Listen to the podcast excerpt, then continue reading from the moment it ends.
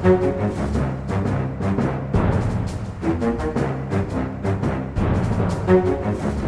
da kjører vi i gang med en ny episode av Aftenpodden USA. Og jeg har jo som vanlig med meg Kristina Pletten fra hjemmekontoret i Oslo. Hvordan går det der borte? Det går veldig fint. Jeg har skaffet meg ny mikrofon, by the way, for alle som har klaget på lyden, så nå håper vi det blir bedre. Ja, det er sant. Ja.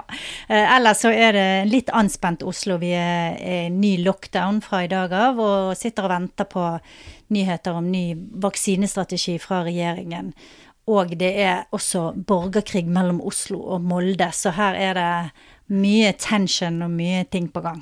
Ja, jeg må faktisk si jeg nesten synes litt synd på dere nå eh, hjemme i Oslo, når jeg ser den nye lockdownen som kommer nå. For, altså, her borte er det jo fortsatt sånn smitten er større enn i Norge. Det har den vært hele tiden når man justerer for innbyggertall og sånn. Det dør mange, mange flere selvfølgelig når man justerer for innbyggertall, men det er likevel en mye mer sånn positiv følelse i USA nå.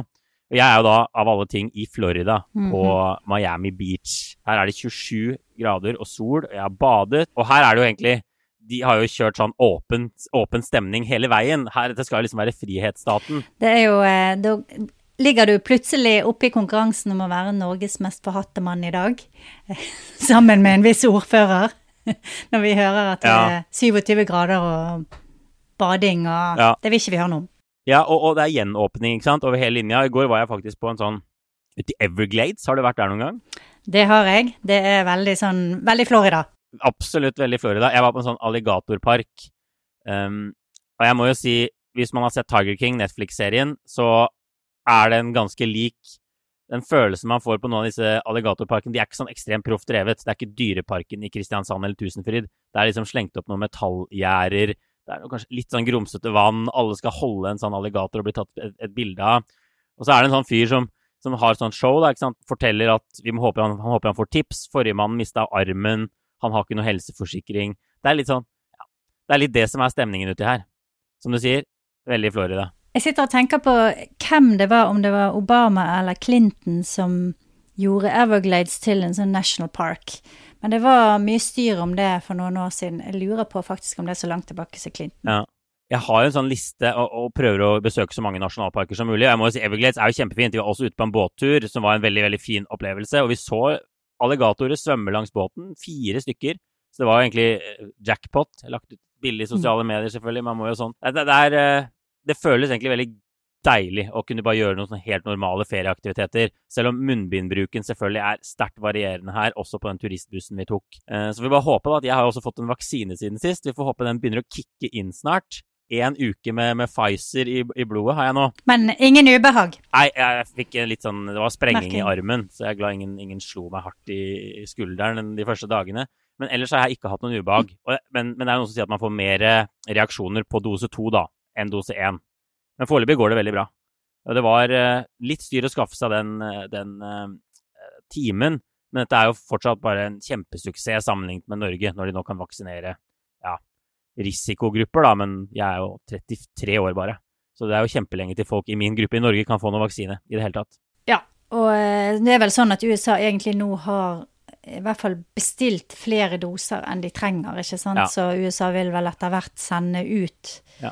vaksiner til andre som eh, venner og Kanskje Norge kan få noen, noen Marshall-hjelp til slutt? kanskje Norge. Det kan godt hende vi Ja. trenger det. Her, her er det- det også debatten etter hvert i ferd med å dreie at de tror at man når det punktet hvor det at det er kø om å få vaksinen, går over til at det er for mye vaksiner, og at man må overbevise folk om å ta de. Og at det, man kan nå det punktet i løpet av noen måneder allerede. At det er et, eh, et spørsmål om at etterspørselen er for lav, og ikke at det er et mangel på vaksiner. Så det, ja, det blir interessant. Jeg tror man må følge litt med på USA her. De ligger nok noen måneder foran Norge og vil gjøre det med hele vaksinasjonskampanjen, tror jeg. Men det var vel sånn i forkant at meningsmålingene viste at omtrent jeg tror nesten halvparten av amerikanerne sa at de ikke ville ta vaksine. Jeg husker jeg så noen sånne meningsmålinger. Men vaksinemotstand har vel ikke vist seg å være så gjennomtrengende og stor som man fryktet, han det? Altså, utviklingen har jo også gått riktig vei på de. Det er jo flere som sier at de vil ta vaksinen nå enn det var i, i høst. Og det hadde jo også litt med at Trump var president, og han pusha så hardt, og du skulle ha disse vaksinene ut før valget og ikke sant. Så, så, så det virker som den skepsisen har dalt litt. Men det er jo en betydelig vaksineskepsis der ute fortsatt. Jeg snakket jo med en taxisjåfør her nede, som, som hadde, men han hadde hatt viruset, han hadde ingen plan om å ta vaksinen. Og det er kanskje den fordelen i hermetegn USA har, da. Hvis én av tre har hatt viruset fra før, så har de nok en del immunitet. Og det kan jo godt hende at det til og med rimer litt. De som har hatt viruset, er kanskje de som, som eh, har gitt litt beng, da, og gått med munnbind, uten munnbind og ja. Så kanskje, kanskje, de når denne flokkimmuniteten til slutt. Men de har jo en utfordring ja, med å få folk til å ta det. Det er, tror jeg ikke er noe tvil om. Mm. Men du, vi får komme i gang med, med dagens eh, pod og gjøre det litt, eh, litt, kjapt i dag. Vi har en ambisjon om å ha disse podene på sånn 25-30 minutter. Og vi har jo da vår første og faste spalte skjedd siden sist. Og du Kristian, du kan jo ta ditt uh, første punkt. Hva er det som har skjedd siden vi snakket sammen forrige gang? Det har falt en bombe, og eh, det er jo første bomben som eh, Joe Biden har sendt. Ikke En literal bombe, da. Her snakker vi om bokstavelig bombe. En bokstavelig bombe. Ikke overraskende så landet den eh, på grensen omtrent mellom Syria og Irak, og var rettet mot tropper fra Iran. Altså styrker fra Iran, mm. som, som samarbeider med det eh, iranske Revolusjonsgarden, heter det. Eh, så det var eh, eh, litt overraskende, og samtidig ikke så veldig overraskende. Men Biden fikk ganske mye kritikk i etterkant, også fra sitt eget parti. Fordi at i prinsippet så er det jo sånn at presidentene skal be Kongressen om tillatelse til krigshandlinger, men USA har veldig lenge nå, egentlig helt siden 11.9, brukt dette her at det er for å beskytte USA at de kan drive og bombe rundt omkring i verden, da. Så det, det dras opp en diskusjon om dette nå som kommer til å bli ganske interessant. Ja, den skal vi følge, følge, med på. En annen som har fått mye kritikk da den siste uka for å lage en overgang her, er Andrew Cuomo i min mm egentlige hjemstat, New York. Han har jo blitt beskyldt for å dekket over disse sykehjemsdødsfallene. Det er en sak som ruller og går. Nå har det kommet tre anklager om uønsket seksuell atferd slash seksuell trakassering mot han også. Og Det er jo interessant å se. Dette drives frem av medier på venstresiden. Eh, ja. også, altså det vi kaller mainstream media. Dette er ikke noe høyresiden koker i hop. Eh, men, mens høyresiden kaster seg på. ikke sant? Fox og disse, disse elsker denne saken. Men også mange demokrater er kritiske til Cuomo. Han har ikke bare venner i sitt eget parti, eller folk som bare står, står bak ham. Så det viser jo heldigvis da at mediene også i USA fortsatt evner, også de som er på demokratenes side i hermetegn, fortsatt evner å grave opp og gjøre ordentlig journalistikk på ting da, som man bør lage journalistikk på, som, og ikke bare gjøre ting til partipolitikk med en gang. Uh, mitt siste punkt er en dame som heter Jennifer Granholm, som er energiminister. Hun eh, ble uh, godkjent av Senatet i uken som gikk. Jennifer Granholm var tidligere guvernør i Michigan og har som navnet antyder både norske og svenske aner. Eh, hun kan ikke stille som president i USA, fordi hun er faktisk født i Canada. Så hun er jo et ganske stort politisk talent, men av den grunn så har hun liksom aldri nådd helt opp, da. Men det blir interessant. Hun får en interessant jobb der de skal prøve ikke sant, å over til eh, å skifte fokus til grønn energi. Det er masse utfordringer i det feltet, så hun kommer nok til å bli en, et navn som man vil høre mer om etter hvert. Ja, helt sikkert. helt sikkert. Og mitt siste, aller siste punkt er minstelønn, hvor det har kommet en nyhet den siste uka. Joe Biden har jo lovet egentlig å doble minstelønnen fra 7,25 dollar timen til 15 dollar timen som en del, og han hadde lyst til å gjøre det som en del av koronaredningspakka som de nå jobber med å få gjennom. Og nå ser det umulig ut, i hvert fall veldig veldig vanskelig ut. En dame som heter The Senate Parliamentarian, som er en slags partipolitisk uavhengig megler, ser jeg NTB kaller henne, hun har i hvert fall uttalt at denne økningen av minstelønnen kan man ikke putte inn i den redningspakka, fordi man bruker sånne spesielle budsjettregler dette har vi snakket om en gang i tiden, for å få gjennom den redningspakken, da, hvor man trenger bare 50 stemmer, 51 stemmer i Senatet. Men også er det bare, jeg skrev en sak om dette nylig, en påminnelse om at altså hvis du tjener minstelønn i USA, federal minstelønn i USA, så har du altså et årslønn på 128 000 kroner i året. Det sier litt om hvor ekstremt lite penger det er. 128 000. Og da jobber du 40 timers uker. Appåtil. Mm. Mm. Så noe kommer antageligvis til å skje. Det er en stor prioritet for venstresiden. Men akkurat hva, det får vi, vi se på. Ok, vi får komme i gang med hovedtemaet denne gangen, som er Vi tenkte vi skulle snakke litt om det som har skjedd på CPAC som altså er eh, Conservative Political Action Conference, den årlige konferansen for høyresiden i det republikanske partiet, eh, som i år er lagt til Florida. Nettopp fordi de har litt mer lakse koronarestriksjoner her, blant annet. Trump bor jo rett oppi, rett oppi veien her nå. Mm.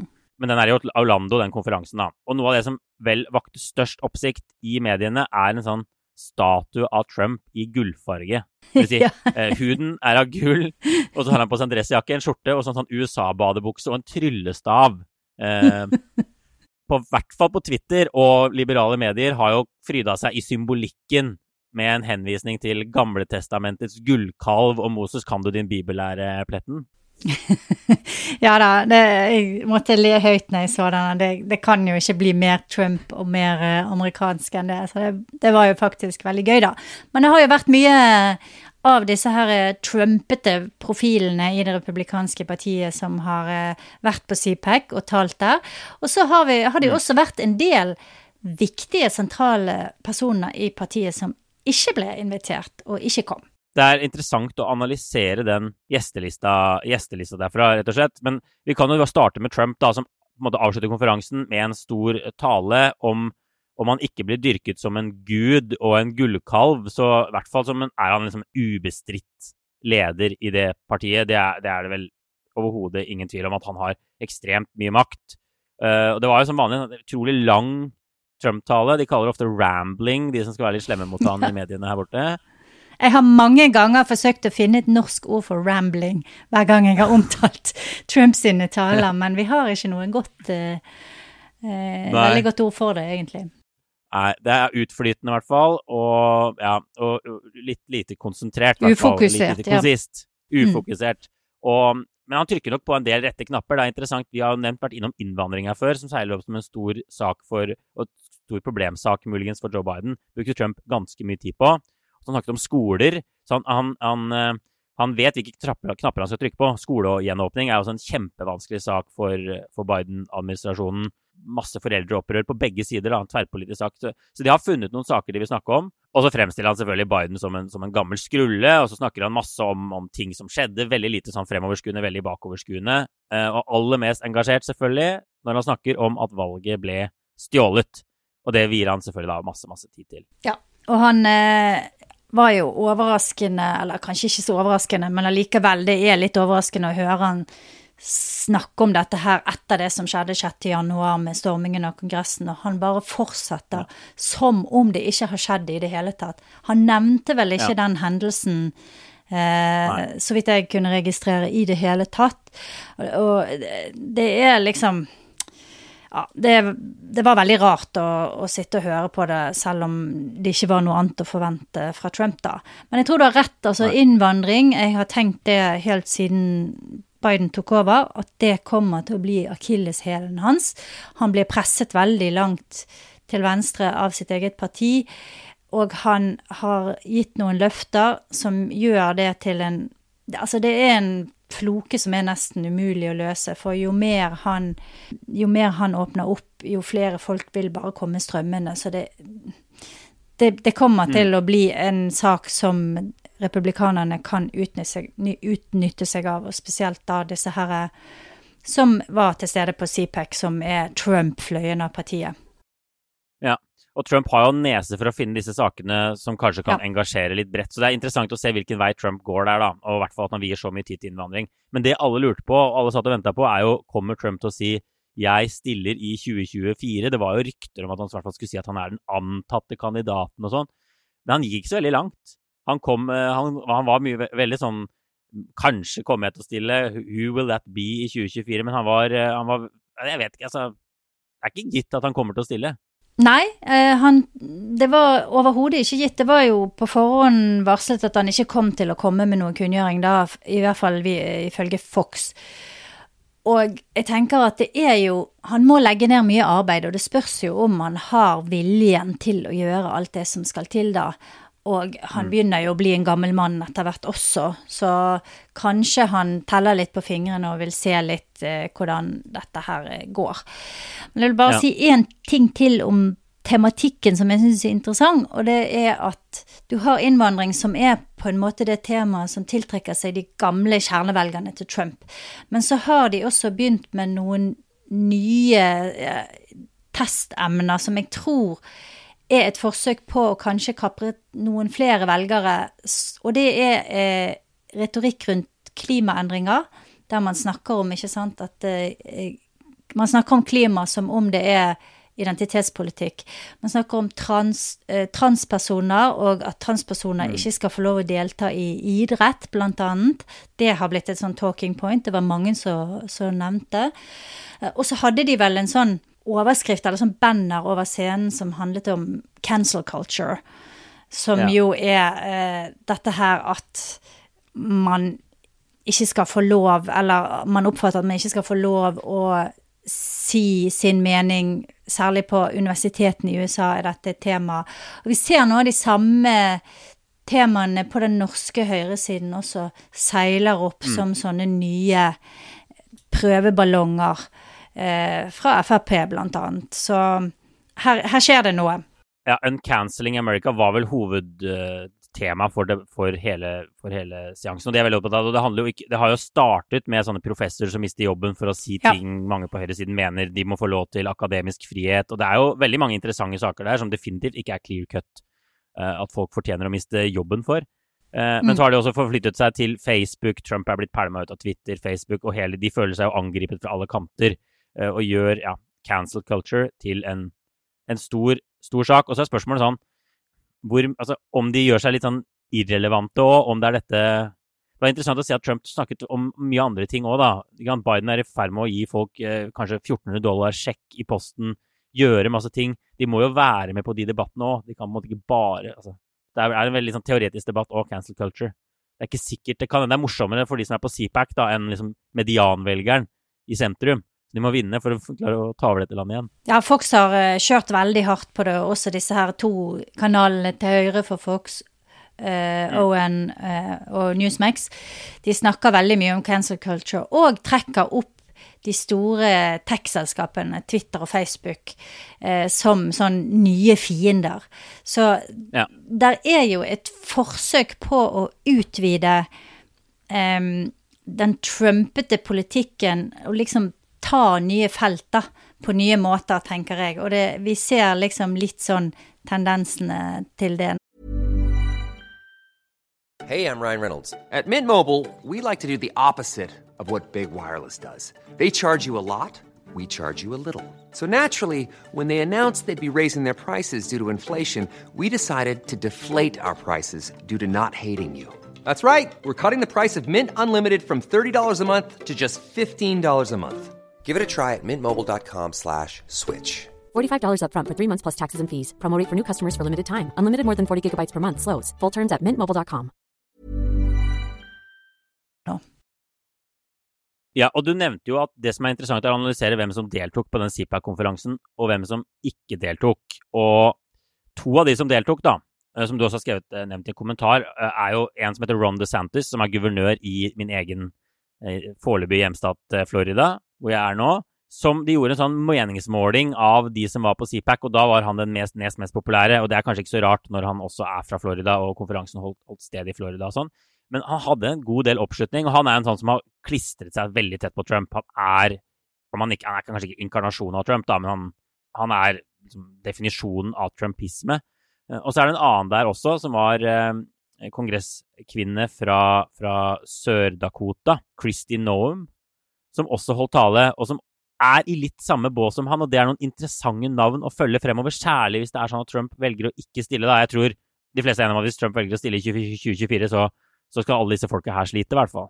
Men hvis han ikke gjør det, Mm. da er det egentlig helt åpent felt. Det er det, og DeSantis eh, var jo en eh, guvernørkandidat i 2018, han har ikke sittet så veldig lenge, og vant litt overraskende det racet der eh, i Florida med god hjelp fra Trump. Og det må jo være litt bittert for Brian Kemp i Georgia, som er en annen sørstatsguvernør som har klistret seg tett til Trump, som nå er blitt sånn persona non grata, og Trump har sagt at han vil ha han ut, og så videre. Så han eh, hans karriere er jo egentlig helt over og ut. Eh, Christy Noam eh, er et veldig interessant navn, og eh, som jeg skrev litt om i helgen. Hun har vært kongresskvinne og er nå guvernør i South Dakota. Har tatt noe av samme tilnærmingen til koronapandemien som DeSantis har. Altså stå imot nedstenging så lenge som mulig, være litt sånn ambivalent til bruk av munnbind osv. Og, så og har hatt ganske stor suksess med det. Selvfølgelig fordi South Dakota har under en million innbyggere og veldig lang avstand mellom folk, og det er ikke så eh, farlig, kanskje, om du ikke følger disse retningslinjene på samme måte som du må i New York eller i Los Angeles, ikke sant? Nei, men de har jo også klart å få ganske høye bare, bare, De har klart å få ganske høye dødstall. Vi har snakket om det. det er litt sånn, hvor, hvor, høye dødstall bør en stat som South Dakota har? Bør de ligge på topp ti i USA i forhold til innbyggertallet i antall døde? Men, så det er, det er, jo en debatt om det der har kostet henne mye, da. Men jeg tror, jeg tror hun har ganske høy stjerne blant republikanere og folk som Hun har staket ut en annen vei, og økonomien har klart seg ganske bra, og de har vært ganske gode på vaksinasjon, og det er ikke sånn helt krise, da. Men, men de, de dødstallene er jo en skamplett, antageligvis. Ja, men hun, hun, Ja, hun, hun, ehm, hun markerte seg ganske bra når hun var i Kongressen. Satt vel der i fire perioder, tror jeg. Og gikk da videre og ble guvernør, og er en sånn veldig sånn erkeamerikansk. Hun er ranch-eier og rir hester og er liksom, liksom veltrent. Og, og så hun har på en måte Ja, ja, ja. så hun har veldig mye av det som kanskje det republikanske partiet ser etter. Jeg tenker hun er sånn Sarah Palin, bare smartere og mye mer eh, innarbeidet i politikken. Så hun er absolutt et navn å, å merke seg frem mot 2024.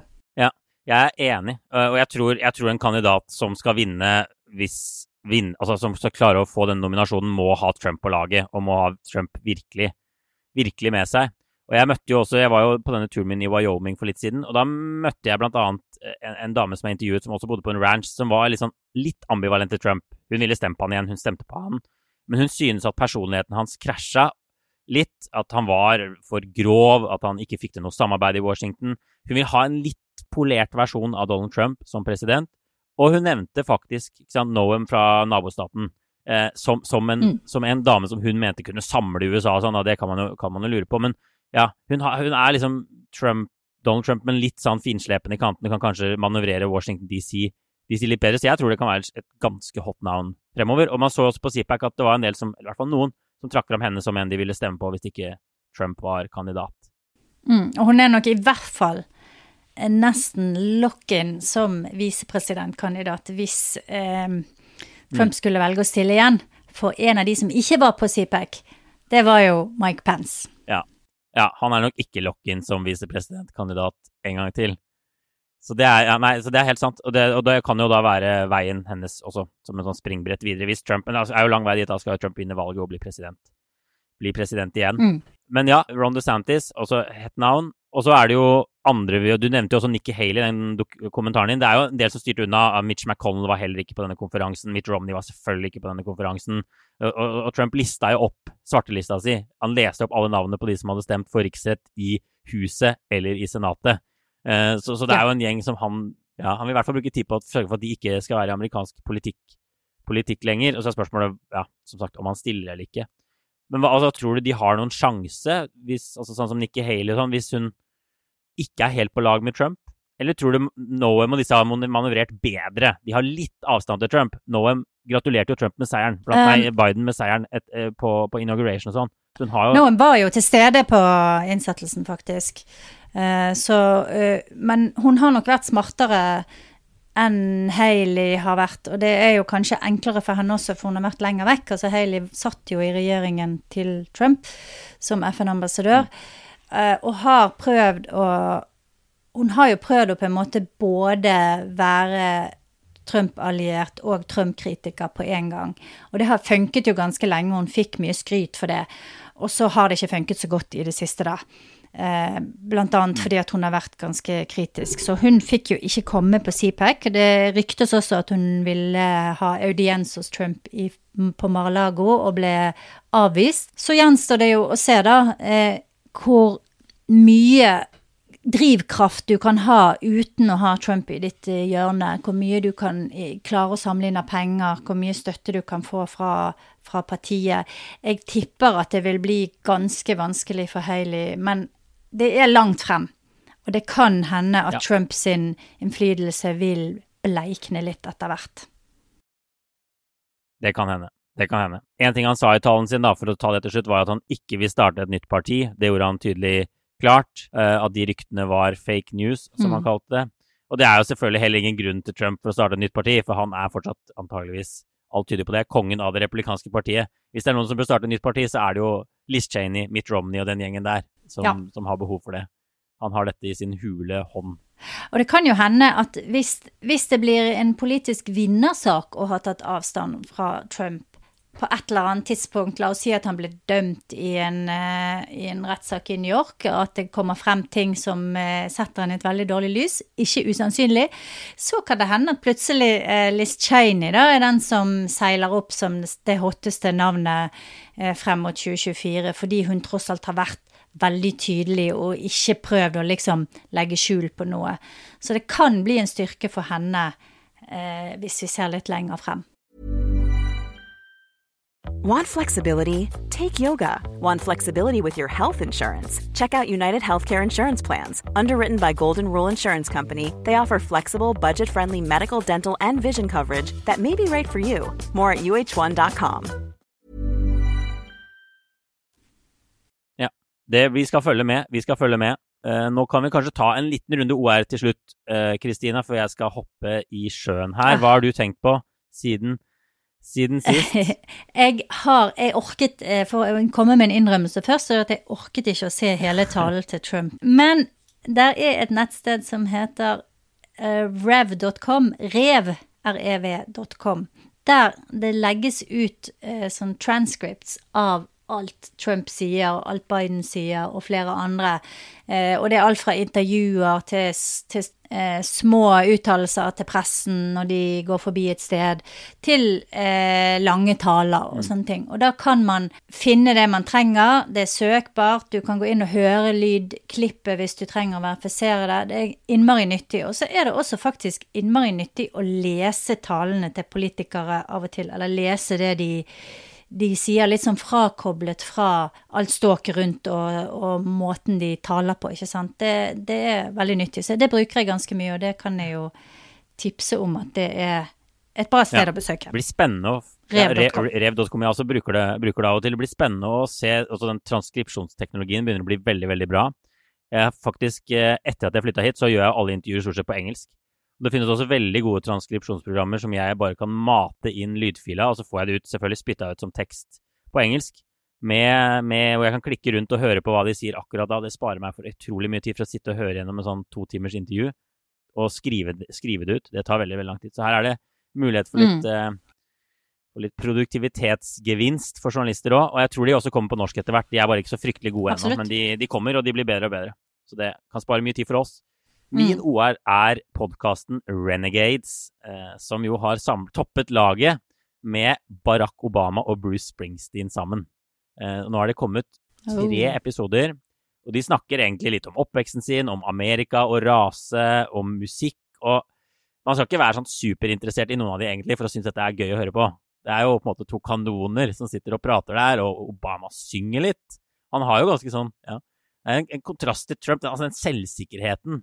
Eh, og, og, og bare, det, bare det å tørre å synge foran forsamlinger. De snakker bl.a. om hvordan han sang 'Amazing Grace' Amazing Grace, i ja. denne, i denne begravelsen. Det var jo et utrolig sånn sterkt øyeblikk. Du skal ha eh, baller, er det lov å si det? Du skal være, være, nei, det er ikke lov å si det. Men du skal være tøff for å, å begynne å altså, synge som en president på TV når du ikke har noen super sangstemme. Um, men når det er sagt, altså, når man hører på de to, så er det ikke gitt altså, det, hører, altså, det er mye mer behagelig å høre på Obama enn Bruce. Hvis man skulle Ja. på hvem som var sanger av de to, så ville man selvfølgelig gjetta på Obama. Er det sant? Stemmen Er hans det er sånn, ubehagelig å mm, høre på Bruce? ja, vi kan høre på. Det er vesentlig, vesentlig mer behagelig å høre på Obama. Jeg har også hørt på boka hans, som han leser selv. Han har jo en veldig sånn perfekt sånn uh, lydbokstemme. Mm. Men ja, de snakker litt om, om, eh, om oppveksten sin og sånn. Jeg, jeg jeg vil bare si at det er liksom verdt, å bruke litt, verdt å bruke litt tid på, også for å høre litt om USA. Og det er jo bare en sånn påminnelse om at Bruce Springsteen ikke er fra en forlatt industriby i Midtvesten, som man kan se for seg, og som man kan kanskje tro fra sangene hans, men han er altså fra Jersey Shore, kysten av New Mm. Jersey, en kjøretur fra New York City. Jeg var nylig, ba, nylig i badebyen Asbury Park, hvor han hadde noen av sine første konserter og sånn. Men ja, spennende. En anbefaling tror du du skal høre på, Kristina? Er du interessert i Bruce? Eller Obama? Nok? Jeg tror det blir litt for sånn mye sjøldigging for meg. Jeg klarer ikke jeg, jeg, jeg kjenner at jeg tror ikke jeg kommer til å klare det. Jeg tror jeg styrer unna. Ja, ja. Det er jo spørsmål om hvor mye de har pulsen på Amerika og sånn. Men jeg tenker sånn, så Ja. bare, bare biografien deres er interessant. og Obama forteller en del fra oppveksten sin om hvordan han dælja til en fyr som brukte eh, rasenedsettende, rasistiske ord om han. og sånn. Så det kommer frem litt nye ting om det òg, som er interessant. Kanskje det fins transcript på rev.com som jeg bare kan lese, så jeg Ja, du slipper kan å bare høre det. mate inn podden i en sånn annet uh, podkastprogram også, kan du sikkert få teksten. Ja, nei, men det er jo, musikken og sånn er jo en del av det, da, så det er best å høre på, men man bør ha litt tid. Men du, jeg tror vi setter strek eh, for denne gang, Kristina. Vi har eh, viktige ting å gjøre. Du skal sikkert skrive ferdig noe. Det skal Jeg jeg. må sole meg litt til. Uff. Men, men eh, ris og ros, send det inn til oss. På Instagram heter jeg Oystein Langberg. Det går an å sende oss eh, forslag til episoder, temaer og sånn der også. Det setter vi det setter veldig pris på. Så går det også an å gi oss vurderinger i, eh, i iTunes, Spotify, av hva dere synes om podden. Men jeg tror det var alt vi hadde for nå. Vi ses om en uke. Ha det fint.